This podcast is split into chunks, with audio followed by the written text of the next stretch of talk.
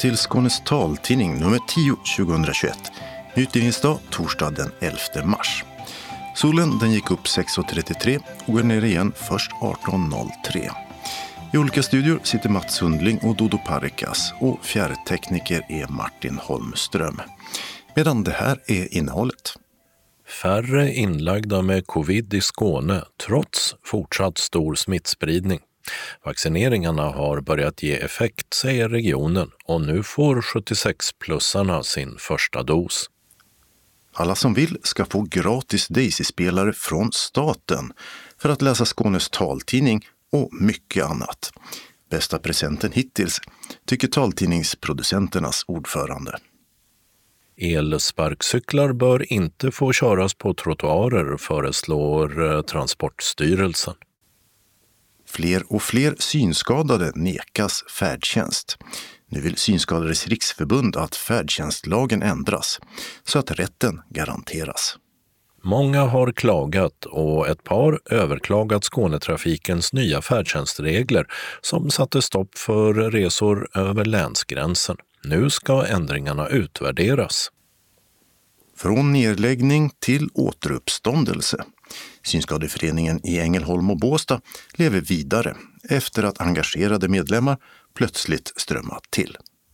Öppnat och stängt med antikvariat, lokalredaktion och handelsplats. Vem ska utbilda framtidens syntolkar? Både folkhögskola och universitet har sin plats, menar syntolkningsforskare. Evenemangstips och med syntolkade tv, uppskjutna konstrundor och sådana som blir av. Kalendern med hoppjerka, helgon och hasardspel. Anslagstavlan är idag gemensam för hela Skåne med regionala och lokala meddelanden och ändringar i kollektivtrafiken. Och allra sist kommer redaktionsrutan. I Skåne har coronaläget ljusnat den senaste veckan med färre inlagda på sjukhus och då framförallt färre äldre inlagda. Och det menar Smittskydd Skåne beror på att vaccineringarna börjat få effekt. Men smittspridningen är fortsatt på en jämn och hög nivå, sa de på tisdagens presskonferens. Vaccineringarna är nu inne på den så kallade fas 2, där alla som är över 65 år erbjuds vaccineringar, med de äldsta först. Nästan två av tre skåningar som är över 90 år har fått sin första spruta och var tredje är nu fullvaccinerad. Och den här veckan får de som är mellan 76 och 84 år en kallelse för att boka tid. Kallelserna till vaccinering sker med brev och sen måste man boka tid genom att ringa sin vårdcentral eller boka via e-tjänsten 1177.se. Men i breven som nu går ut från Region Skåne blev det fel i texten, vilket fått många att ringa 1177 istället. Och så kan man inte boka tid. Ska man ringa och boka är det vårdcentralen man ringer. Polisen upprepade i veckan sin varning om att telefonbedragare låtsas ringa från vården för att erbjuda vaccinering. Och ett antal personer har lurats att lämna över bank och id-uppgifter med förlorade pengar som följd. Lägg bara på luren, tipsar polisen. Den nationella vaccinsamordnaren Richard Bergström sa i veckan att han fortfarande tror hela landet kan ha fått vaccin innan midsommar, trots sena leveranser hittills. Mer är på ingång och snart kan ett fjärde vaccin bli godkänt. Och regeringens digitaliseringsminister Anders Ygeman gick i veckan ut med att digitala vaccineringspass bör vara tillgängliga ungefär då. Att visa upp inför till exempel en semesterresa till länder som kräver det. Alla som prenumererar på Skånes taltidning ska kunna få en internetuppkopplad modern Daisy-spelare av staten. Myndigheten för tillgängliga medier, MTM, föreslår i den taltidningsutredning som just blivit klar att myndigheten tar över distributionen av region och kommuntaltidningarna. Det här är en lösning som Taltidningsproducenternas förening TTF kämpat länge för. Mats Sundling är ordförande i TTF. Ja, äntligen har de kommit till det här skedet. Vi har jobbat för det här så länge jag kan minnas och så länge jag har varit ordförande och det är 12 år så har det här varit en fråga som har varit en huvudverk kan man säga och eh, ett eh, projekt som vi har lobbat och puffat för att det ska bli verklighet eh, under många år. Och det är fantastiskt bra för taltidningarna i hela Sverige, för Skånes taltidning som jag är reporter på och för alla våra läsare. Men vad är det som är så bra med det här förslaget då? Ja, det framtidssäkrar vår distribution. Postnord har ju varit eh, på nedgång under många år och nu i februari börjar med varannan dagsutdelning i Skåne. Innan året är slut ska det genomföras i hela Sverige och ingen behöver tvivla om att det blir verklighet. Det går ju väldigt mycket fortare att få fram tidningarna. Så fort vi är färdiga med den så kan man trycka på en knapp i princip och sen på några sekunder så når det våra läsare som har tagit del av de här spelarna.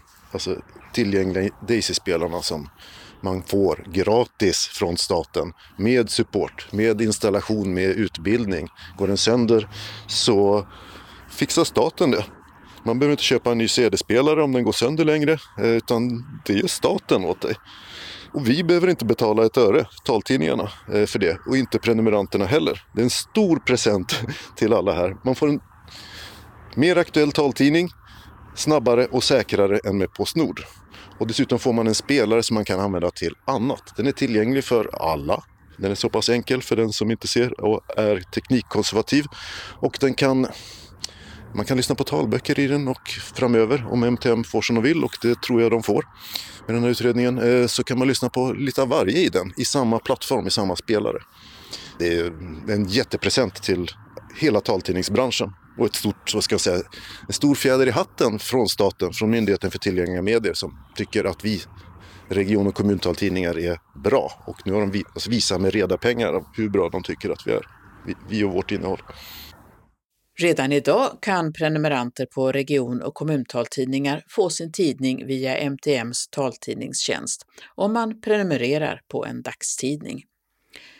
Men antalet prenumeranter på dagstidningarna sjunker, både på de tryckta och de talade versionerna, och därmed sjunker utnyttjandet av MTMs taltidningstjänst.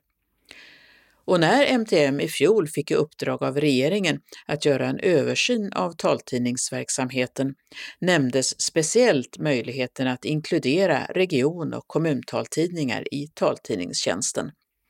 Det skulle kunna fördubbla antalet som utnyttjar MTMs tjänst, men också öka kostnaderna.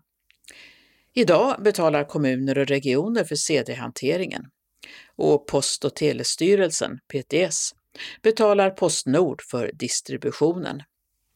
Men MTM tar enligt förslaget över alla kostnader, säger projektledaren Daniel Frelén. Ja, det stämmer. För samhället som helhet så tror vi att det här är, man kommer att spara pengar.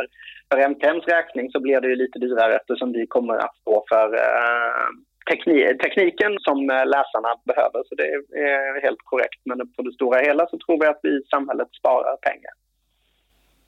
Ni räknar med att det blir en engångskostnad på 17 miljoner kronor för eh, region och kommuntaltidningsprenumeranterna med utrustning och starthjälp och så. Det stämmer eh, och där föreslår vi också att man gradvis ska trappa in det här. Det här är också någonting som när man gör någonting som är gratis tillgängligt så behöver man ju också se hur stort intresset är. Det är inte säkert att alla eh, region och kommuntal taltidningslyssnare är intresserade av att eh, migrera eller alltså att flytta in till eh, MTMs infrastruktur utan kanske vill ha kvar den eh, distribution som eh, man har haft fram tills nu. Så att eh, där får man ju se exakt hur stora kostnaderna blir. Det är alltså ett erbjudande, ni kräver inte att alla ska gå över? Nej, det är inget krav som vi kan ställa utan region och kommuntaltidningarna drivs ju som enskilda eh, Eh, aktörer. Så att eh, där ställer inte staten några krav på hur eh, kommun och regiontaltidningarna driver sin verksamhet utan om man önskar så kan man ju välja att låta de lyssnare som, eller läsare som man har flytta över och så kan man behålla den parallella strukturen för CD som finns i dagsläget. Det är inte ett krav från MTMs håll att man behöver skifta alla eller ingen utan här handlar det om att hitta lösningar som funkar för varje enskild läsare. Ska det göras tidning för tidning eller kommer ni att gå ut med erbjudande över hela landet på en gång? Eller? Region och kommuntaltidningarna har ju kvar sina läsare. De går ju inte över till oss. Om man till exempel i dagsläget vill börja prenumerera på en vanlig dagstidning så är det ju så att man vänder sig till dagstidningen från början och säger att jag vill ha er taltidningsversion och sen skickar taltidningen läsaren vidare till oss. Och där tror jag att det kommer vara motsvarande så att det är viktigt att tidningarna fortfarande har en relation med sina läsare och på det sättet har dialogen med dem. Det kommer troligen även gälla för kommun och regiontaltidningarna. Sedan så har vi en kapacitet där vi kan migrera, alltså flytta över ett visst antal läsare per år. Och där hoppas vi att det kan vara, eh, det är väl strax över 1000 som vi tror att vi kan migrera. Jag tror att det är sagt i utredningen 1500 eh, är vårt tak för, per år för nya läsare. Och exakt om det ska fördelas per tidning eller om det är ett erbjudande till de läsarna som eh, hör av sig till sina, eh, sina tidningar och sen så att de skickas vidare in till oss. Det har inte MTM landat i ännu, utan så här, där behöver vi göra när väl regeringen och departementet landar i vilka förordningar de vill gå fram med så får ju vi göra en projektplan för hur vi bäst erbjuder. För det har ju väldigt mycket att göra med om det kanske är att alla, alla läsare på en tidning är intresserade av att gå över och på någon annan så kanske det bara är var fjärde.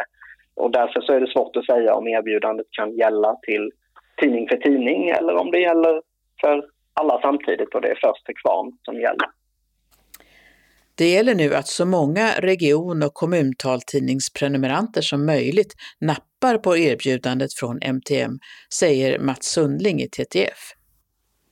Varje CD-prenumerant som accepterar erbjudandet om de här spelarna från MTM sparar ju flera hundra kronor åt oss bara i CD-hantering. Eh, och det är ju pengar vi kan använda till innehållet istället. Hyra in fler vikarier, köpa in mer frilansmaterial, utöka tjänster så att vi får mer och bättre innehåll. Alltså som är till nytta och nöje för våra läsare. Eh, det är ju en rimlig användning för pengarna som jag ser det. Och en, eh, vi får behålla pengarna helt enkelt, vi sparar. Ja, det är generöst faktiskt. Får jag säga. Och toppen, alltså det är mm, bra även i den ändan. Och så sparar man miljön också. Man slipper kasta CD-skivor i brännbara sopor. Du har ju jobbat för det här då i väldigt många år, säger du. Vad ska du göra nu då? Vi får väl se till att eh, pedagogiskt berätta för våra läsare om vad det här innebär. När vi gick över från kassett till CD var det ju inte alla som ville hänga med och nu får vi väl berätta om hur det här funkar. Eh, och min tanke är väl här då att de som redan har de här spelarna idag, de som har dagstaltidning, får dem ju och är jättenöjda. Det är drygt hundra av våra, våra prenumeranter. Att de får berätta om hur det här funkar för dem om tillräckligt många av våra läsare accepterar erbjudandet, vilket jag tycker det finns jättegoda skäl till att göra, eh, så är ju allt möjligt i princip. Då kan man skicka ut om man vill en snabb uppdatering om en coronapandemi. Vi hoppas vi slipper den i framtiden, men är det någonting som ändrats radikalt så kan man göra en notis och skicka iväg den. Det här hände precis. Och så kan man ta del av den ja, så fort som möjligt. Eh, ja, det går att göra hur mycket som helst egentligen. Jag ska inte stå här och lova eh, för mycket innan det är verklighet, men det sätter fantasin i rörelse på ett trevligt sätt i alla fall. Inte bara region och kommuntaltidningar kan få utnyttja taltidningstjänsten. MTM föreslår i utredningen att också allmänna nyhetsmedier släpps in. Daniel Frelén exemplifierar. Fler titlar som kanske inte då eh, som har funnits bara på webben tidigare kommer att omfattas av stödet om de, det finns läsare som skulle vilja läsa via taltidningsinfrastrukturen istället eller taltidningstjänsten istället. Och även då sådana här lokala tryckta tidningar som kommer ut i en eller flera kommuner kanske? Ja, precis. Så det finns ju en, alltså så här, just lokaljournalistik är någonting som uh, är väldigt ofta ganska intressant, i alla fall för de nuvarande eh, prenumeranter vi har. Men kan till exempel en tidning som eh, ges ut av en kommun, typ Vårt Malmö finns ju här i Malmö, kan den komma i fråga? Det är skulle jag säga att den, den faller inte under definitionen av, eh, av allmänna nyhetsmedier som är någonting som vi främst riktar in oss på genom den här reformen. Sedan är det ju frågan om det finns en möjlighet att pilottesta andra, andra typer av tidningar, likt Vårt Malmö eller likt medlemstidningar som finns för föreningar och annat och så vidare.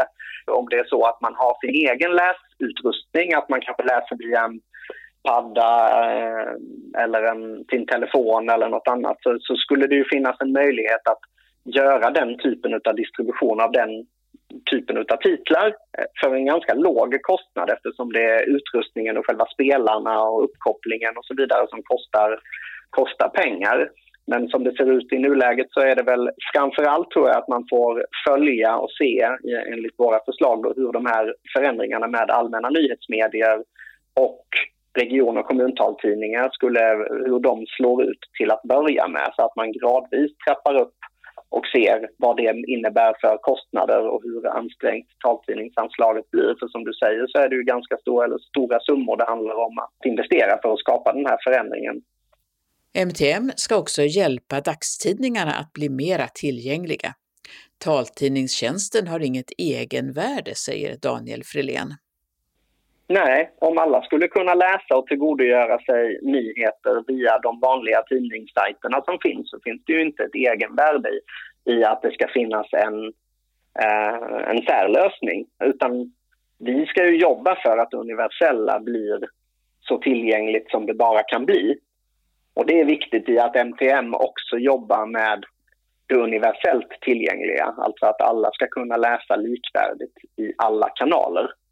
Men tills dess att det är möjligt så kommer det behövas en lösning som gör att alla, även de som har en läsnedsättning, kan tillgodogöra sig nyheter och samhällsinformation. Det ska de kunna göra via en taltidningstjänst som är i takt med tiden. Sa Daniel Frelén, projektledare på Myndigheten för tillgängliga medier. Vi hörde också Mats Sundling, ordförande i Taltidningsproducenternas förening och reporter på Skånes taltidning. Taltidningsutredningen har lämnats till Kulturdepartementet. Definitivt beslut om en ny taltidningsförordning tas av riksdagen. Och reporter i inslaget var Birgitta Fredén. Elsparkcyklar bör inte få köras på trottoarer, vilket är möjligt idag. För där bör bara fotgängare ta sig fram. Ja, det är det kanske viktigaste förslaget från Transportstyrelsen i en utredning som skulle se över om det behövs några regel och lagändringar efter att elsparkcyklarna började hyras ut i Sverige för två år sedan. Många synskadade har som bekant reagerat på hur de körs och hur de ställs. Och nu har Transportstyrelsen kommit fram till att de bör definieras som cyklar och framföras som sådana. Samtidigt bör man ta bort begränsningen på en motorstyrka på 250 watt. För det är ett hinder för teknikutvecklingen, säger Transportstyrelsen. En orsak till att många irriteras på elsparkcyklar är hur de används och parkeras. Medan andra tycker det är ett miljövänligt och roligt sätt att transporteras på, skriver Transportstyrelsen. Flera kommuner har efterlyst ändringar i lagen så att de kan ställa krav på till exempel hur sparkcyklarna får ställas på kommunens mark. Några sådana föreslår inte Transportstyrelsen i förslagen som i förra veckan lämnades över till regeringen. En synskadad person, kanske med rörelsehinder, nekas färdtjänst av kommunen med hänvisning till att åka kollektivtrafik istället. Beslutet överklagas till domstol. Ja, sådana historier har taltidningen berättat om ett antal gånger sedan färdtjänstlagen ändrades för mer än 20 år sedan. Men på senare år har avslagen på färdtjänstansökningarna blivit fler, både hos kommunerna och i domstolarna. Och ofta är besluten orimliga, menar Synskadades riksförbund. Nu vill de att färdtjänstlagen ändras så att synskadade garanteras rätt till färdtjänst.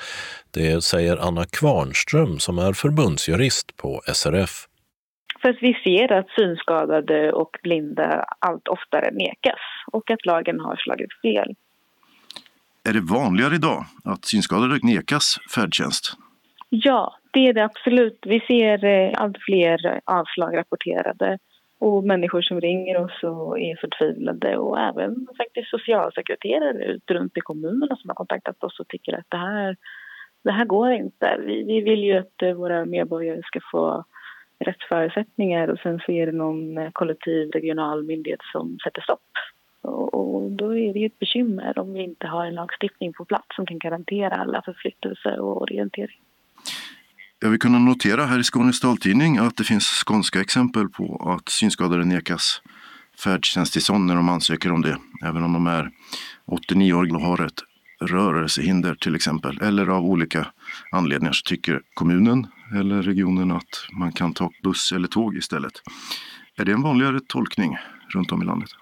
Ja, när vi eh, gjorde om lagen från att vi var en del av socialtjänstlagen till en egen lag så omformulerades rätten till tillstånd för färdtjänst från att vara en socialbistånd till att vara en trafikpolitisk lösning. Och det har inneburit att man inte beaktar omständigheterna i det enskilda fallet och konsekvenserna för den enskilda så att vi får lite orimliga resultat. Eh, istället förväntas ju människor att då kunna utnyttja en allt mer tillgänglig kollektivtrafik. Eh, men, men, vi ser ju att det, det inte riktigt funkar och även förarbeten till lagen beskriver att eh, även om kollektivtrafiken blir tillgängligare och tillgängligare så måste ju det ändå anses finnas människor eh, som behöver färdtjänst. Så att säga. Och det har ju att göra med att även om man kanske kan sitta på en buss så, så kan man inte nödvändigtvis orientera sig eller förflytta sig till trafiken. Men, men här har vi fått en del orimliga resultat allt eftersom lagen har börjat tillämpas. ett annat exempel som är från skånsk horisont i alla fall är att eh, en ansökan om färdtjänst nekades en man eh, för att han hade ju kunnat ta bussen om det hade funnits någon busshållplats eller busslinje där han bodde ute på landet. Nu gjorde det inte det i verkligheten, men om det hade funnits en buss hade han kunnat ta den. Och det är mm. kanske ett exempel på samma perspektiv som du nämnde där. Precis. Alltså vi kan ju konstatera att lagen har ju ändå funnits sedan 90-talet och först nu så ser vi de här riktigt negativa konsekvenserna av hur lagen är formulerad. Så att någonstans är det ju ändå så att man eh, initialt i alla fall haft en tillämpning av lagen som varit rimlig eller i alla fall generös och nu inte har det. Och det är problematiskt att man kan liksom ändra tillämpningen så successivt. Men å andra sidan när vi tittar på lagen och dess förarbeten så, så ger ju den eh, tyvärr kommunerna rätt i det att det inte krävs någon rimlighetsbedömning nu för tiden. Så det behövs alltså både en ändring av lagen och också säkerställande att tillämpningen av den blir mer rimlig. Färdtjänstbeslut har ju överklagats till domstol eh, i ett antal fall av privatpersoner men också av er på Synskadades riksförbund och av dig då som förbundsjurist. Eh, hur gick det med dem? Ja, vi driver faktiskt flera successivt eh, som handlar just om rätten till färdtjänsttillstånd. Ehm, och ett av dem som rör en, en ung man som är relativt nysynskadad och som eh, har nekats eh, färdtjänst trots att han är, är helt blind helt enkelt. Ehm, och där, precis som i många fall då, så hänvisar man honom till att kollektivtrafiken nu är så pass tillgänglig att han borde kunna hantera den. Ehm, men i hans fall så är det ju så att han måste ju kunna ta sig till den och det kan han ju inte på egen hand. Så att, orimliga konsekvenser. Så det, det, de har vi överklagat och överklagat och ligger det hos Högsta förvaltningsdomstolen. Och hur tror du det kommer att gå där? Det, det är ju svårt att säga om. Eh, för att eh, lagen som den är, är ju dålig. Den ger ju honom inte strängt taget eh, rätt. Sen ligger ju det inom ramen för Högsta förvaltningsdomstolen möjlighet att titta på vad innebär det här i rättighetshänseende och ta in andra aspekter såsom till exempel FNs konvention för eh, rättigheter för personer med funktionsnedsättning och, den typen av frågor. Så vi hoppas väl att domstolen åtminstone ska kunna ge viss rätt i detta att lagen inte är tillräcklig här. Och en sån dom skulle bli prejudicerande, det vill säga berätta för andra domstolar att så här ska ni tolka lagen? Precis, prejudicerande. Och blir det ett negativt utfall så så blir ju det en tydlig signal om att lagen faktiskt måste göras om. Eh, och det kan man ju också säga att vi på Synskadades riksförbund har ganska omfattande dialog med politikerna och ansvariga just nu i den här frågan. Vad anser ni bör hända? Ändra färdtjänstlagen då? Hur bör den formuleras så att det fungerar bättre? Ja, lagen behöver verkligen ändras. Den behöver förtydligas och den behöver förtydligas så att eh, synskadade garanteras rätt att få tillstånd när det behövs eh, på ett helt annat sätt än vad det görs nu. Eh, och, och, också en rimlighetsbedömning så att även en rullstolsburen eller äldre personen som har svårt att, att förflytta sig eh, kan, få, kan få tillstånd helt enkelt. Ehm, för det ska ju inte bara ses som en trafikpolitisk lösning utan det handlar ju också om förutsättningar för människor med funktionsnedsättning att kunna röra sig i samhället och då måste eh, rättighetsperspektivet vara en del av bedömningen för detta. Så att människor kan resa, eh, träffa andra och arbeta och studera som andra. Det sa Anna Kvarnström, förbundsjurist på Synskadades riksförbund. Reporter var Mats Sundling. I snart ett halvår har Skånetrafikens nya regler gällt om att den som vill åka utanför Skåne ska ansöka om riksfärdtjänst istället för färdtjänst, även om det endast är till grannkommunen. Ett beslut som fått många skåningar med färdtjänst, framförallt i gränstrakterna, att höra av sig med synpunkter. Och några har även överklagat sina beslut till förvaltningsrätten. I förra veckan fick kollektivtrafiknämnden en genomgång av Skånetrafikens tjänstemän om hur det fungerar. Karina Sackau är moderat regionråd och ordförande i nämnden. Vi fick en, en kort information kring det regelverk som beslutades i fullmäktige i höstas eh, och de eh, problem som, som vi eh, har fått till oss via mejl eller telefonsamtal ifrån, ifrån medborgare. Och ett av dem var ju just problematiken kring de som bor nära gränsen till Halland, Småland eller till, till Blekinge. Eh, och eh, vad vi har förstått så har man löst de som har daglig färdtjänst och ska till och från jobb eller studier eller liknande. Men det är ett antal personer, eh, cirka 80 i hela Skåne, som fortfarande måste då ta riksfärdtjänst om man ska ta sig över gränsen. Det vill säga man har inte ett arbete, man har inte studier utan det är av sociala betingelser eller för att man behöver uträtta ärende eller, eller liknande. Men de här 80 personerna, vad är det de säger då? Alla de 80 personerna bor ju inte i gränstrakten, men de allra flesta gör ju det givetvis. Och det är klart att de tycker ju att det här har blivit en, en försämring. Det har blivit svårare för dem att ansöka om att få resa över gränsen helt enkelt. Och vad innebär det för dem rent socialt? Det kan ju innebära att eh, för det första att, att de har hela sin bekantskapskrets och sitt umgänge eller kurs eller vad det, det kan vara för någonting man har på andra sidan gränsen eftersom att man bor så nära. Den delen måste vi ta med oss och fundera på hur kan vi lösa detta på ett enkelt sätt. Och det vet jag att förvaltningen tittar på. Och hur tänker du att man skulle kunna lösa det? Svårt att svara på egentligen för, för det tror jag igen att våra tjänstemän är, är bäst lämpade att, att hitta en lösning som ska fungera och eh, att vi då i största möjliga mån fokuserar just kring de som bor just i, i gränsbygderna eh, till andra län helt enkelt.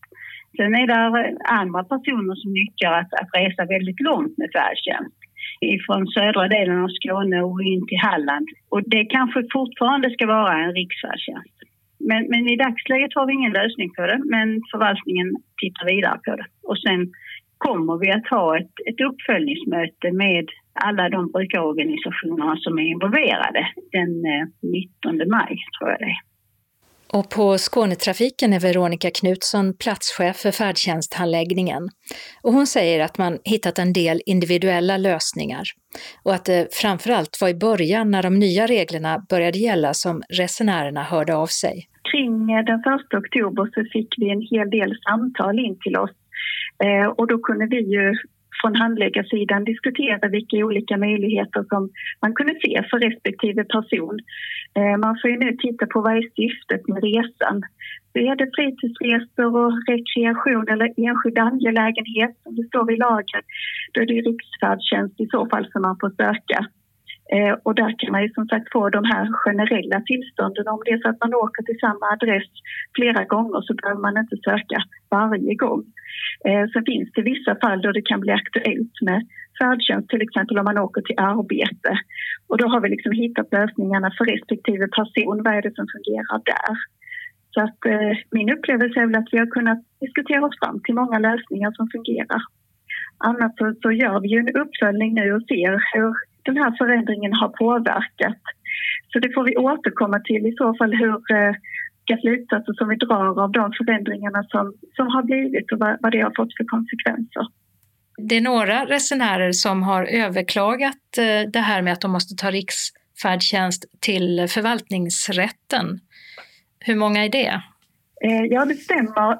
Det är några stycken i dagsläget. En, två, tre stycken ärenden har jag kännedom om där man då inte eh, tycker att det är rätt att beviljas riksfärdtjänst eller med de villkor villkoren man har fått. Så vi får följa de domarna och se vilket utslag som vi kommer att få där på dem. Tycker de att de borde få ha, ha fått ha kvar sin färdtjänst eller vad är konflikten? Ja, det, det, är det ju lite. Man tycker att man skulle ha färdtjänst istället. Och sen också, och då blir det ju en fråga, är det rätt beviljat med, med riksfärdtjänst och med vilka villkor man har blivit beviljad riksfärdtjänst i så fall? Ja, så grundfrågan blir ju den också. Ann-Sofie Karlsson är gravt synskadad och bor i Bromölla. Och tidigare så har hon ofta varit i till exempel Sölvesborg på andra sidan länsgränsen och gjort ärenden eller bara tagit en fika. Men nu har både pandemi och de nya reglerna gjort att hon inte längre åker dit.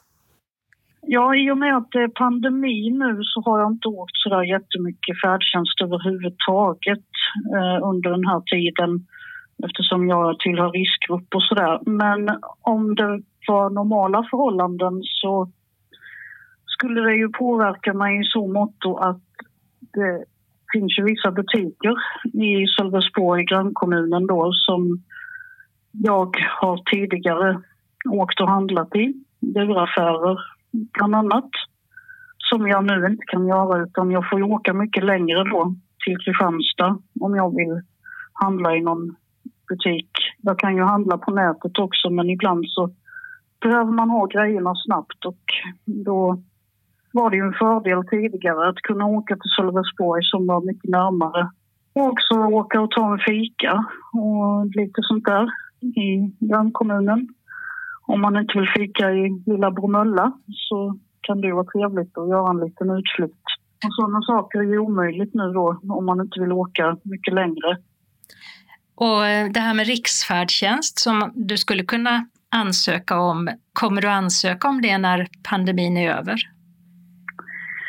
Det är väl inte troligt. Det skulle vara om det är någonting jätteviktigt som jag måste göra eller så, men jag tycker nog att det blir för bökigt att hålla på om jag bara ska göra nöjesresor eller ja, som sagt, det är ju omöjligt att göra spontana resor som inte är planerade i god tid eftersom det tar en stund att ansöka och att det ska handläggas och så vidare.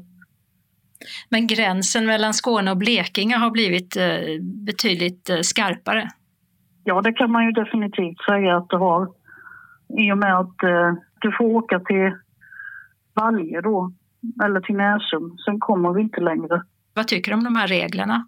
Jag tycker inte det är några bra regler eftersom det finns ju många som har verksamheter som är både för Bromöllabor och för de som bor i Sölvesborg, till exempel PRO och, och liknande.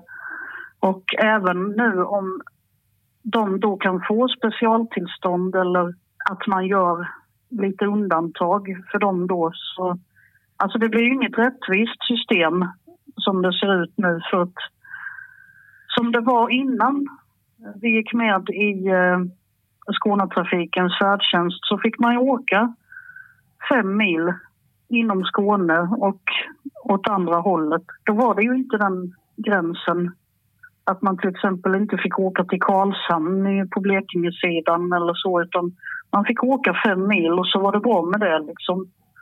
Det tycker jag känns mer rättvist på något sätt eftersom man åker ju inte så långt neråt Skåne alltid om man bor i den här ändan av Skåne utan då blir det ju som sagt att man på sin höjd åker till Kristianstad eller Åhus som ligger närmast. Men jag tycker det har blivit en försämring och jag tycker det inskränker rörelsefriheten och valmöjligheten framför allt. Sist Ann-Sofie Karlsson som bor i Bromölla och som tidigare brukar uträtta ärenden i Sölvesborg bland annat. Vi hörde också Karina Sackau, moderat ordförande i kollektivtrafiknämnden och Veronica Knutsson, platschef för färdtjänsthandläggarna på Skånetrafiken. Och den 19 maj har man alltså ett möte med brukarorganisationerna om förändringarna som genomfördes den 1 oktober förra året. Reporter var Åsa Kjellman Erisi. SRF-föreningen i Ängelholm Båstad lever vidare trots allt. Istället för att läggas ner eller slås ihop med SRF Västra Skåne strömmade lite oväntat engagerade medlemmar till och i helgen hölls ett årsmöte som hade kandidater mer än nog att välja mellan till en ny styrelse. Anders Mordell från SRF Skåne var ordförande i interimstyrelsen som sett till att föreningen kunde drivas vidare fram till årsmötet och han satt också som ordförande under mötet där viktiga beslut skulle tas punkten efter val av styrelseledamöter och andra funktionärer det var då frågan om ett eventuellt samgående eller att föreningen skulle läggas vilande.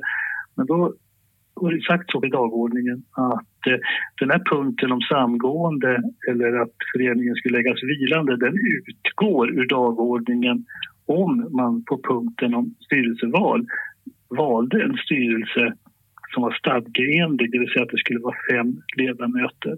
Och det var det som skedde. Det valdes fem ledamöter till styrelsen vilket innebar att föreningen då hade egen livskraft så att säga. Och, och då föll de andra frågorna, för de var, de var alldeles uppe då på agendan utan de ströks bara ur dagordningen. Så att föreningen har nu en ny styrelse med fem ledamöter och förhoppningsvis så kommer det att funka bra för dem som en egen förening i fortsättningen också. Men eh, det var inte så många som var där och röstade. Nej, det var ju, tycker jag var väldigt tråkigt. Jag hade ju uppmanat medlemmarna att eftersom det här var så viktigt möte för föreningen med tanke på de olika alternativ som stod till bud från början åtminstone och hela frågan har ju uppkommit på grund av att man inte har fått ihop en styrelse och då är det därför den här diskussionen om samgående framför allt har flaggats upp. Och därför var det extra viktigt att alla medlemmar kunde vara med på det här mötet och rösta på, på det de själva ville för någonting. Men tyvärr så var det då bara sju stycken röstberättigade som ställde upp på mötet av jag vet inte exakt hur många röstberättigade de har, men ungefär 60 skulle jag tro eh, medlemmar med rösträtt. Så att eh, därför vet man väl inte naturligtvis om, om de beslut som fattades igår, om det verkligen återspeglade den breda medlemsskarans åsikter. Men samtidigt kommer man inte på mötet eller ställer upp på telefonmötet som det här var trots påminnelser och kallelser i långt god tid så är man kanske inte mer intresserad. I slutet av förra året var planerna för SRF Ängelholm Båsta att antingen gå ihop med SRF Västra Skåne eller lägga föreningen vilande. Och här i Skånes taltidning sa dåvarande vice ordförande Stina Bodil Andersson att styrelsearbetet inte fungerade, medelåldern var hög och att ingen strängt taget ville ställa upp i styrelsen längre. Men när det väl var dags för årsmöte så fanns det alltså många kandidater.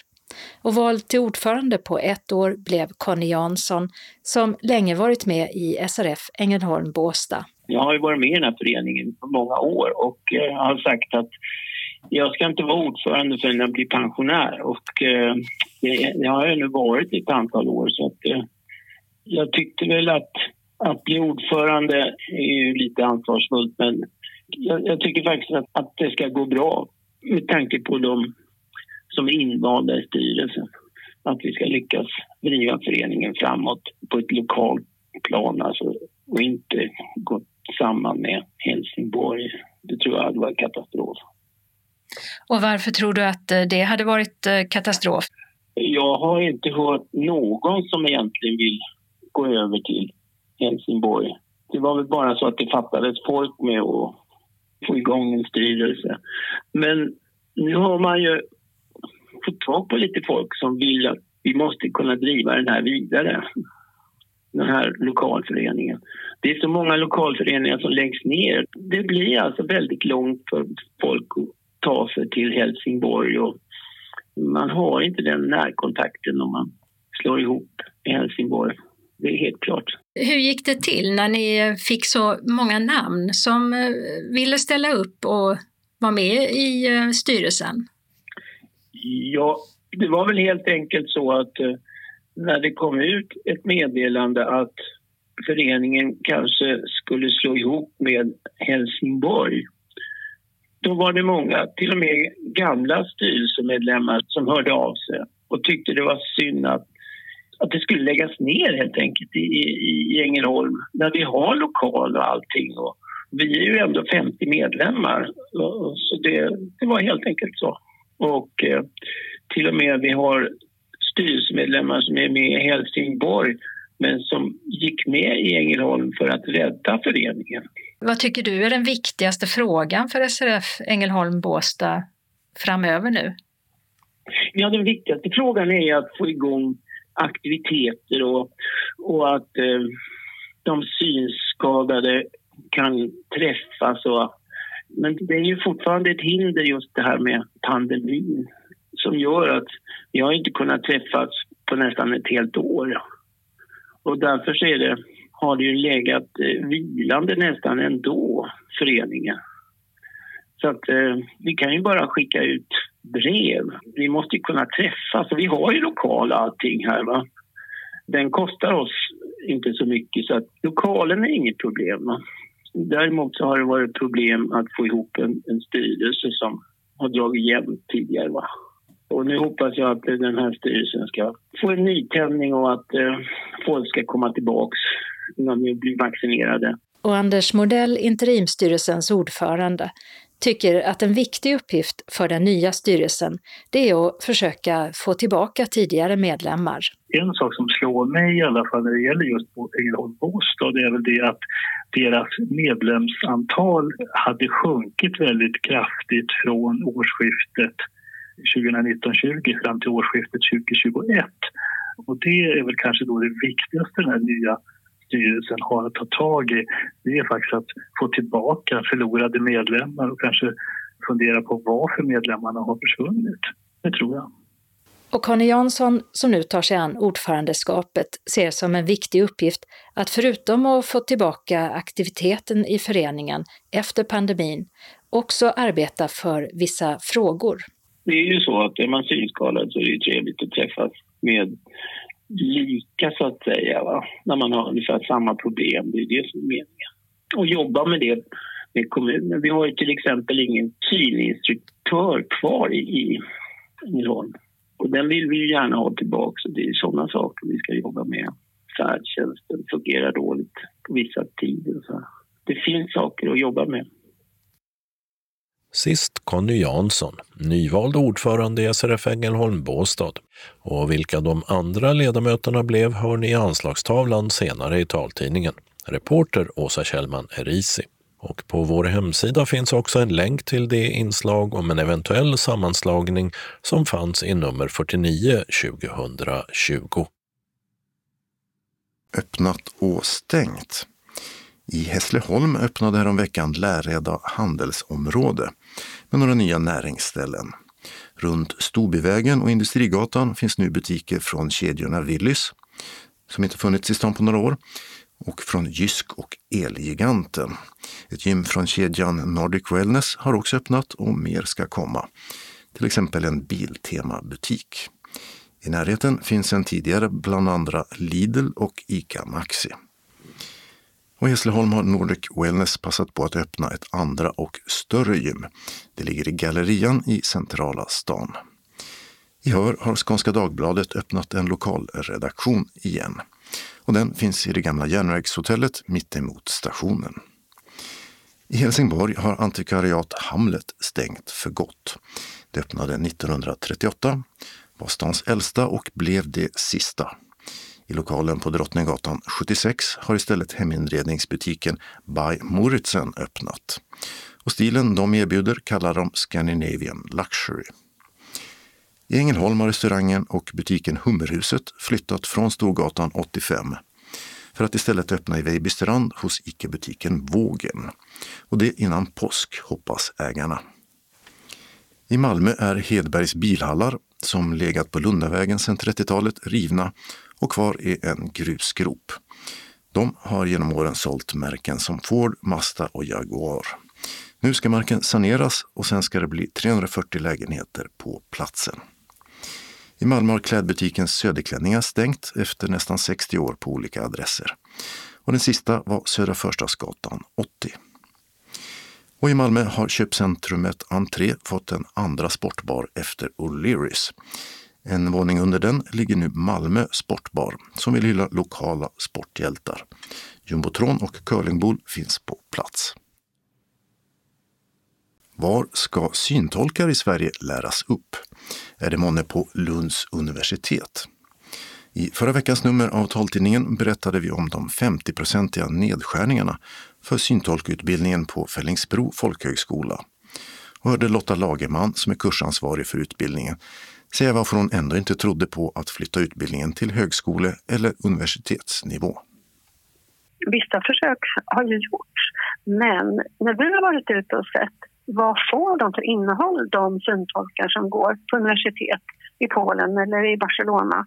De är språktolkar i botten och så får de 75 timmars syntolkning. Medan vi ger våra elever, när kursen är hel, då får de 450 timmar. De får jättemycket övning, hands-on, alla genrer. De ska ha provat och övat och tränat för att känna sig trygga och säkra. Och det kan man inte ge på ett universitet. Det är folkbildningen som kan ge det. Ja, var bör syntolkutbildning bedrivas? Jana Holsanova är docent i kognitionsvetenskap vid Lunds universitet. Hon forskar kring syntolkning och brukar föreläsa på Fällingsbro folkhögskola som tillsammans med bland annat just universitetet och SRF ingår i ett samverkansinitiativ kring syntolkning. Och så här säger hon om utbildningens framtid och sina kontakter med Fällingsbro. Jag har också tagit del av deras examination och såg att det var både mycket god kvalitet på kursen under de här tio åren och mycket duktiga syntolkar som examinerades där. Och innehållet i utbildningen fokuserar ju på praktiska färdigheter med hands-on och med testning av utrustning och arbete i studion och praktik på ett arkiv. Och att de har inkluderat information om forskning som pågår och eh, haft utbyte tyckte jag var väldigt bra. Så jag tror absolut att eh, denna utbildning borde stärkas, inte försvagas utan få mer stöd även på nationell nivå. Sen är det så att eh, när man tittar internationellt så finns det olika former av utbildning i Polen, Storbritannien, Italien till exempel. Och där finns det både utbildning på universitetet och andra former, antingen privata eller folkbildning. Och vad gäller kurser på universitetet så finns det ju specialiseringar inom översättarutbildning. Och eh, de studenter som eh, tar dessa kurser har ju andra erfarenheter och kunskaper i bagaget. De är vanligtvis språktolkare, de har vissa teoretiska kunskaper. Men det skiljer sig ju från den breda rekryteringen som sker på Fällingsbro. Där kursdeltagare har olika bakgrund och kompetenser och oftast har de också personlig erfarenhet av eh, synnedsättning, har haft kontakt eller har anhöriga som har synnedsättning. Så att det finns för och nackdelar med båda. Jag skulle vilja säga att det vore utmärkt om båda formerna skulle kunna kombineras. Alltså en förstärkt utbildning på folkhögskola som inkluderar forskning och där man lär sig färdigheterna men även utbildning inom specialiseringskurs eh, på universitetet och att vi skulle då med gemensamma krafter med den här breda rekryteringen kunna engagera fler i syntolkningsområdet och utveckla syntolkning. Tror du att det är så att man höjer statusen på yrket om det finns någon form av utbildning inom universitet, eh, högskola, inom syntolkning? Ja, det tror jag absolut det gör.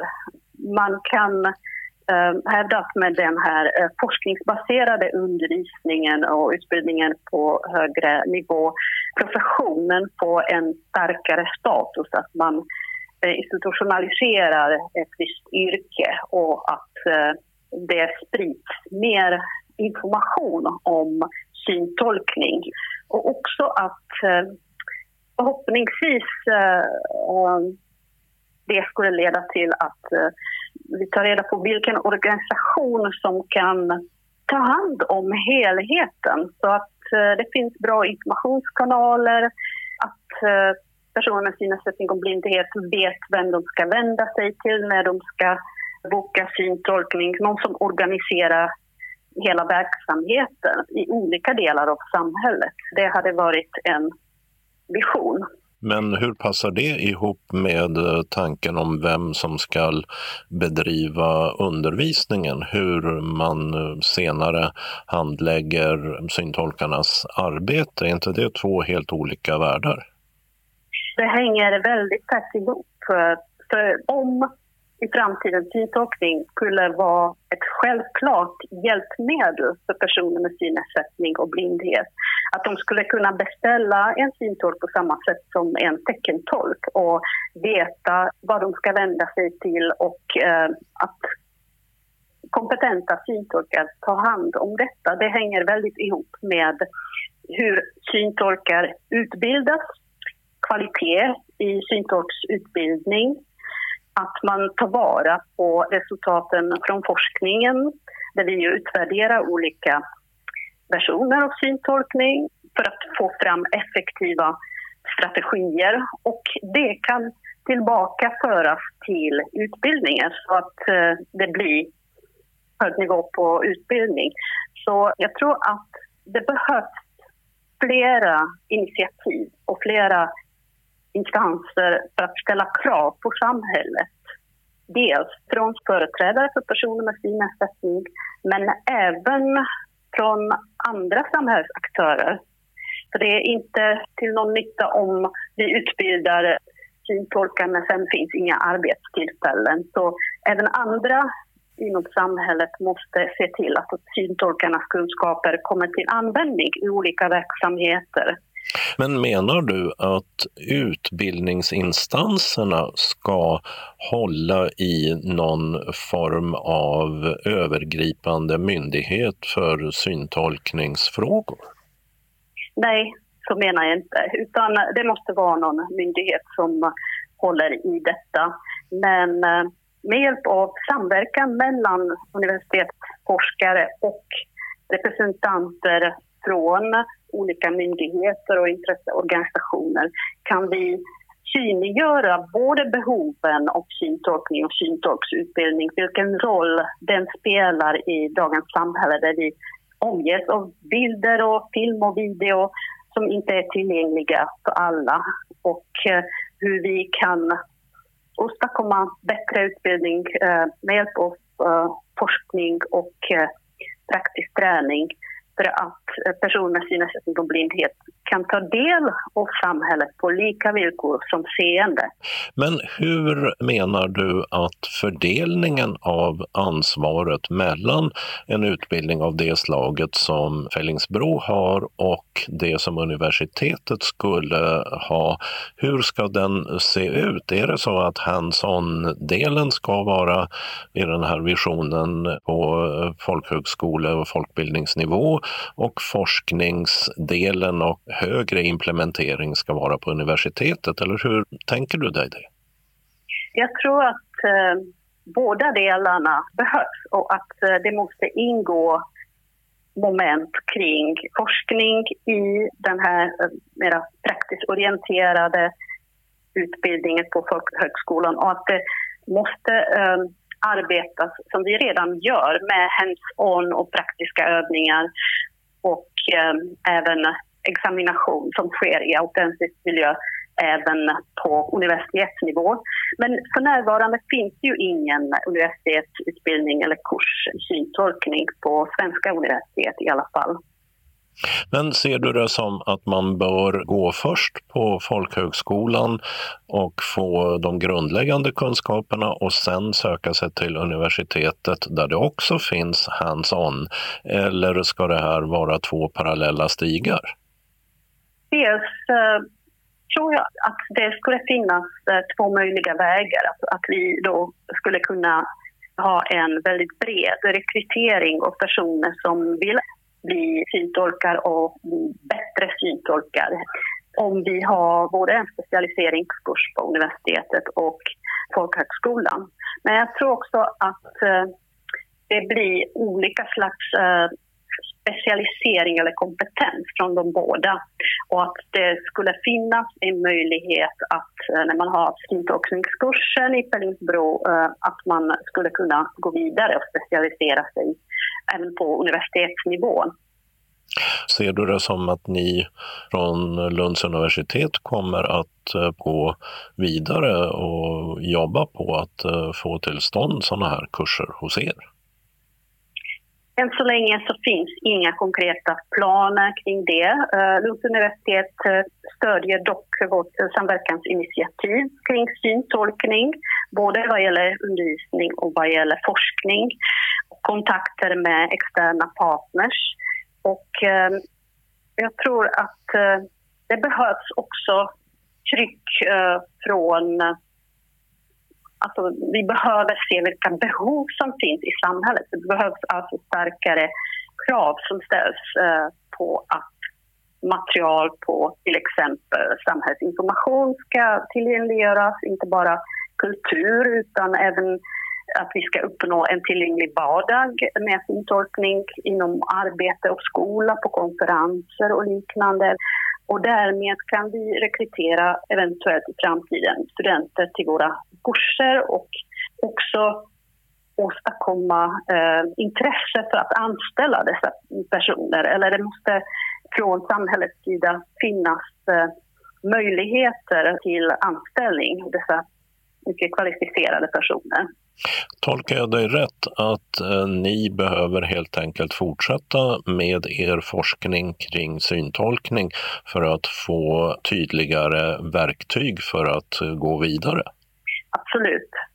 Vi studerar hur syntolkar gör, hur de åstadkommer så effektiva strategier som möjligt för att tillgängliggöra visuell information för målgruppen. Men vi bedriver också forskning kring hur syntolkningen tas emot och eh, utvärderar olika personer med grupper av personer med synnedsättning och blindhet för att ta reda på hur de förstår och eh, upplever syntolkning och därmed kan eh, ta till sig både kulturinformation från samhället på lika villkor som seende.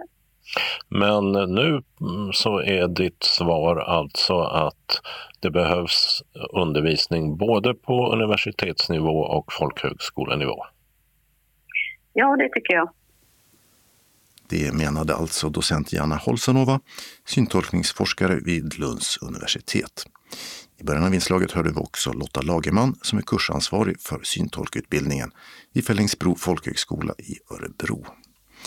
I löpsedeln på vår hemsida finns länkar, dels till en längre intervju med Lotta Lagerman från förra numret och dels till en tidigare intervju med Jana Holsanova. Reporter var Dodo Parkas och vi kan ju påminna i sammanhanget om att nu på fredag är det syntolkningens dag. Evenemangstips. Och vi börjar med lite syntolkad tv som finns att hitta på sajten UR Play. Först andra säsongen av Seniorsurfarna. Idag finns möjligheter att göra ärenden, roa sig och kommunicera med nära och kära på nätet. Men många äldre upplever att det är för mycket att sätta sig in i och svårt att hänga med. Och serien Seniorsurfarna är tänkt att inspirera och ge mod att våga testa. Elever är artisterna Siv Malmqvist och Arja Saijonmaa, krögaren med mera Carl Jan Granqvist och skådespelaren Johan Rabeus. Vägvisare och inspiratör är Kattis Ahlström. Syntolkning och inläsning Kristina Buddy Roos. Och sedan syntolkas även UR-serien Tack Gud jag är homo. Även här är det frågan om en andra säsong. Denna gång reder programledarduon Alice och Linda ut vad alla bokstäver i HBTQIA betyder. De möter transpersoner, homosexuella, regnbågsfamiljer och andra som bryter normen. Syntolkning Stina Lundin, inläsning Matilda Kärneld. Dunkers kulturhus i Helsingborg de sänder barnteater på nätet. Nu på söndag den 14 mars mellan 15 och 15.40 spelar Dockteater Titt ut, Igelkotten och Mullvaden för 2–6-åringar. Igelkotten är taggig och snabb, mullvaden sammetsmjuk och försiktig, men trots det, eller kanske just därför, är de mycket goda vänner. Och 21 mars 15.00 gästspelar Månteatern i Lund med den knappt timslånga Utgrävningar på månens baksida. En extra altföreställning som nästan helt saknar dialog och riktar sig till 6 till 9-åringar. Föreställningarna som inte är syntolkade nås via Vimeo och via Zoom ordnas för och eftersnack till evenemangen som kallas Söndagsscen. Föreställningarna direktsänds. En biljett kostar 60 kronor oberoende av hur många som tittar. Information om inloggning får man vid köp. I Sjöbo så kan man återigen besöka konsthallen i Kulturhuset på Gamla torg 10. Konsthallen har öppnat efter att under en period på grund av pandemin endast ha tagit emot bokade besök. Och till och med 28 maj så pågår utställningen Tänk om jag hade en snabel med verk av Ove Gustafsson. Han har bland annat gjort animerade teckningar till barnprogrammet Fem myror är fler än fyra elefanter och även varit illustratör för Dagens Nyheter. Vill man ha en guidad visning av utställningen så måste man boka i förväg senast 14.00 dagen innan besöket på telefon 0416 271 66. Maxantal besökare i konsthallen är 10 personer samtidigt. Och öppettiderna är tisdag till torsdag mellan 13 och 18, fredagar 13 till 16 och lördagar 10 till 14. Vannås skulpturpark i Östra Göinge har dragit igång sin vårsäsong och öppnat café och butik som håller öppet 11 till 16 fredag till söndag. Kring påsk är det öppet alla dagar 11 till 16 och det är mellan 29 mars och 11 april. Skulpturparken har öppet dagligen 10 till 17 vilket för övrigt även gäller resten av året. I Båstad öppnar Norrvikens trädgårdar för säsongen med påskfirande. Trädgårdar, promenadslingor, café, chokladeri, restaurang och butik öppnar med start 1 april, vilket inte är ett aprilskämt. Öppettiderna är 10 till 17 under helgen 1 till 5 april. Därefter är det öppet lördag till söndag under april medan det från 1 maj och september ut är öppet dagligen. Alltihopa 10 till 17. Entréavgift 150 kronor. 65-plussare betalar 145 och grupper om fem personer betalar för fyra och barn upp till 18 år kommer in gratis. Den som börjat fundera på ifall de ska ge sig ut på en konstrunda i vår måste förutom att följa coronarestriktionerna också ha koll på framflyttade och eventuellt inställda arrangemang. Ett är i alla fall säkert, påsken är inte den enda konstrundetiden i år. Humleslingans konstnärsgille i nordöstra Skåne de ställer in helt, även om det kan finnas enskilda konstnärer som ändå tar emot besökare. Nordvästra Skånes konstrunda avstår från sin samlingsutställning i Landskrona konsthall, men ett hundratal konstnärer öppnar sina ateljéer under påsken, det vill säga mellan 2 och 11 april. Information telefon 0768 20 6470. I Skurupsbygden blir det utställning på Mästers galleri, Svaneholms slott samt en runda från långfredagen till och med annandag påsk. Men arrangören flaggar också för att det inte är säkert att utställningen blir av om coronaläget skulle ställa till det. Konstnärsgruppen Sydväst har utställning på Naturgården i Bröddarp 2–11 april och samma tid har en del konstnärer öppet i sina ateljéer. Naturgården har adress Landsvägen 289-45 mellan Arje och Västra Ingelstad. På Ven planeras en runda under Kristi himmelsfärdshelgen 13–16 maj. Samlingsutställningen på Ven ställs däremot in. Östra Skånes konstnärsgrupp med centrum på Tjörnedala konsthall hoppas på bättre tider i sommar och har flyttat sin runda till midsommartid, 26 juni till 4 juli. I Sjöbobygden startar också en runda den 26 juni och den håller på till 5 juli. Medan konstrundan Mittskåne väntar ända till i höst och planerar en samlingsutställning på Hovdala slott samt konstrunda mellan 4 och 5 september. Bara Brahms blir det i kapellsalen på Palestra ett Odeum vid Universitetsplatsen i Lund den 15 april 19.00 då studerande från Malmö musikhögskola och det Kungliga Danska Musikkonservatoriet i Köpenhamn framför kammarmusik ur några kvartettsamlingar av Johannes Brahms. Dessutom utlovas solosång, sångduetter och pianosolon. Dagen därpå, den 16 april 12.15, blir det 45 minuters lunchmusik med Musikhögskolans pianoklass. Kvart över, som ett ord, kallas detta. Och den 8 maj 17.00 ger Lunds universitets symfoniorkester Akademiska kapellet en konsert, men den äger rum i universitetsaulan. Det är fri entré alla tre gångerna. För information om konserterna, coronasäkerhet och eventuellt inställda evenemang kan man kontakta kommunikatören Sylvia Lysko, telefon 046 222 7242 eller 0721 454 084. E-post sylvia.lysko snabela odeum.lu.se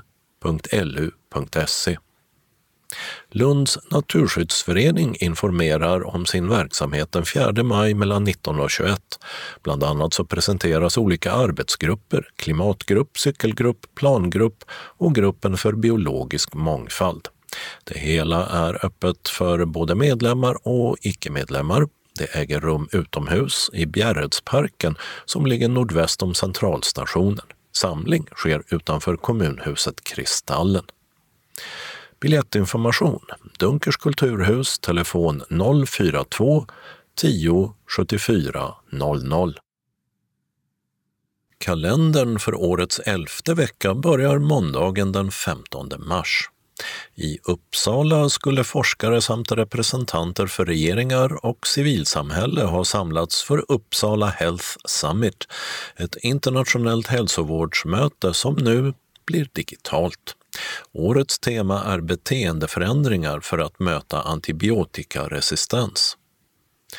Och på dagen för 35 år sedan detta datum gravsattes den två veckor tidigare mördade statsministern Olof Palme på Adolf Fredriks kyrkogård i Stockholm, bara några minuters promenad från mordplatsen. Och det är Kristel samt Kristoffer som har namnsdag. Tisdagen den 16 mars är Herberts och Gilberts namnsdag. I riksdagen blir det en för Skåne mycket aktuell debatt om gränshinder inom Norden och situationen i gränsregionerna just nu. Därpå följer interpellationsdebatt som inleds med en fråga om postservicen på landsbygden. Start 13.00 och det hela sänds via riksdagens webb-tv. Arbetsterapiforum är en konferens för just arbetsterapeuter. Och ehm, detta tvådagarsmöte äger nu rum digitalt och innehåller bland annat ett panelsamtal om vardagsrehabilitering. Onsdagen den 17 mars så den som vill högtidlighålla detta datum som en särskild märkesdag har två tydliga val.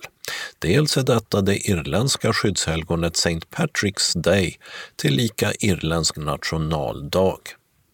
Symbolfärgen är grönt och grönklädda personer med grönmålat ansikte på gatorna denna dag, även i Sverige, är troligen ute och firar denne Patrick och är inte på väg att förlora vettet. Irlands nationalsymbol är klöver med tre blad, detta eftersom St. Patrick ska ha använt växten i fråga som en botanisk metafor för den kristna treenigheten. Dessutom infaller kollektivavtalets dag detta datum här i Sverige. Kollektivavtalet är enligt svensk lag ett skriftligt avtal mellan arbetsgivarorganisation eller arbetsgivare och arbetstagarorganisation om den arbetandes anställningsvillkor. I avtalet slås bland annat fast att sånt som rätt till löneförhöjning, föräldraledighet med betalning, semester och tjänstepension inte behöver förhandlas fram för varje enskild arbetstagare. 60 år fyller den tidigare Army of Lovers-frontfiguren Alexander Bard som bland annat haft dragqueen alter egot Barbie, varit satanist, låtskrivare, författare, politisk hoppjerka, talangjaktsdomare som sparkades av TV4 efter rasistiska uttalanden och mannen som gav kortbyxorna ett ansikte med helskägg. Och det är Gertrud som har namnsdag denna dag. Torsdagen den 18 mars har Edvard och Edmund namnsdag. I riksdagen där är det frågestund, där statsminister Stefan Löfven svarar direkt på ledamöternas frågor. Start 14.00 med sändning i riksdagens webb-tv. Och 35 år fyller den Ystadsfödda musikern, Grammisvinnaren med mera Lykke Li. Fredagen den 19 mars är Josefinas och Josefs namnsdag. 90 år fyller legaliseringen av hasardspel i den amerikanska delstaten Nevada, vilket ledde till att Las Vegas idag är världens största spelstad, som under pandemin gått på lågvarv. Men nyligen höjdes antalet personer som får vistas på restauranger och kasinon i Las Vegas till 50 procent av det normalt tillåtna.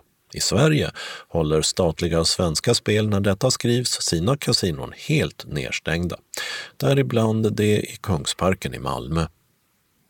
Lördagen den 20 mars är det dags för vårdagjämning. Låt oss citera Wikipedia. Vårdagjämningen är inte en dag utan en ögonblicklig händelse som inträffar vid en bestämd tidpunkt vid olika klockslag på skilda ställen på jorden beroende på i vilken tidszon man befinner sig. Så att eh, den som vill ha ett bestämt datum då dag och natt är lika långa får alltså nöja sig med att det sker omkring den 20 mars. Likafullt är det en dag lämplig att hälsa våren välkommen. Ställer om klockan till sommartid gör vi däremot först nästa helg. Och namnsdagsbarnen detta datum, de heter Joakim och Kim. Söndagen den 21 mars är det persiskt nyår eller noros, som också hänger samman med vårdagjämningen. Några eldfester, som den som brukar hållas i Malmö Folkets park, blir det dock inte detta andra pandemiår. Och så avslutas världskuppen i skidskytte, inte i Oslo som planen var, utan i Östersund och utan publik. Namnsdag firas av Bengt.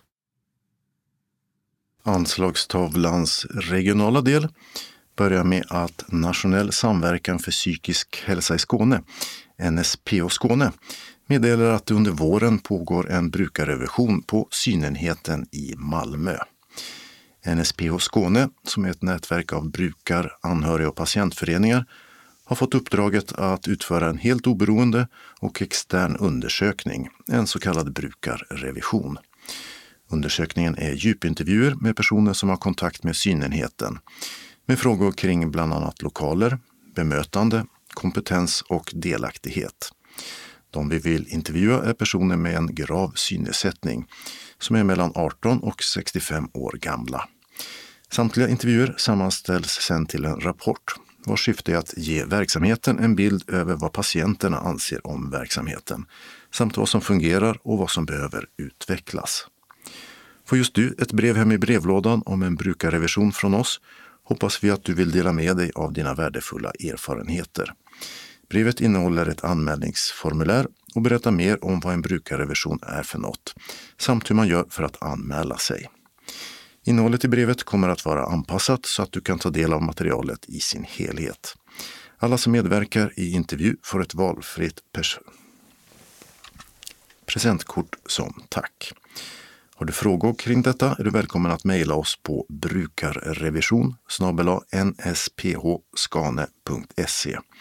eller ringa brukarrevisionssamordnare Erika Wilhelmsson på telefonnummer 0762 48 98 79.